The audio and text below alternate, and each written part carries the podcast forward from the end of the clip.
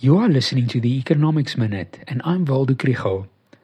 I wanted to say something about corruption, the weapons scandal of the early 2000s, and the year old Zondo reports, but decided to take a break from serious news, and instead I'm talking about markets today.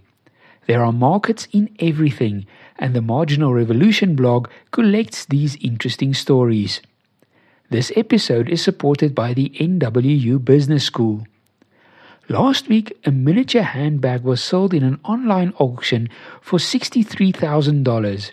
It's so small that it fits through the eye of a needle and comes with a microscope to be able to see it. In Korea, restaurants have niche preferences and certain customers are kindly turned away. One campsite does not take people over 40 years because they are concerned about noise and alcohol use. Another cafe refuses entry to rappers, YouTubers, and professors. In Japan, COVID 19 requirements about the wearing of masks only changed in March this year, and you can now take classes to practice smiling.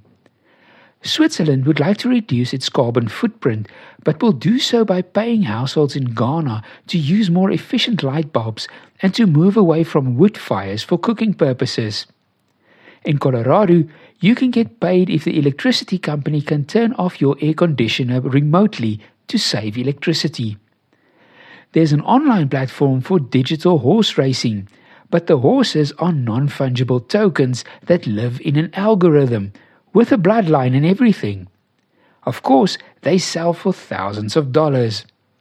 I'll be back on Monday with all the indicators and economic news from South Africa.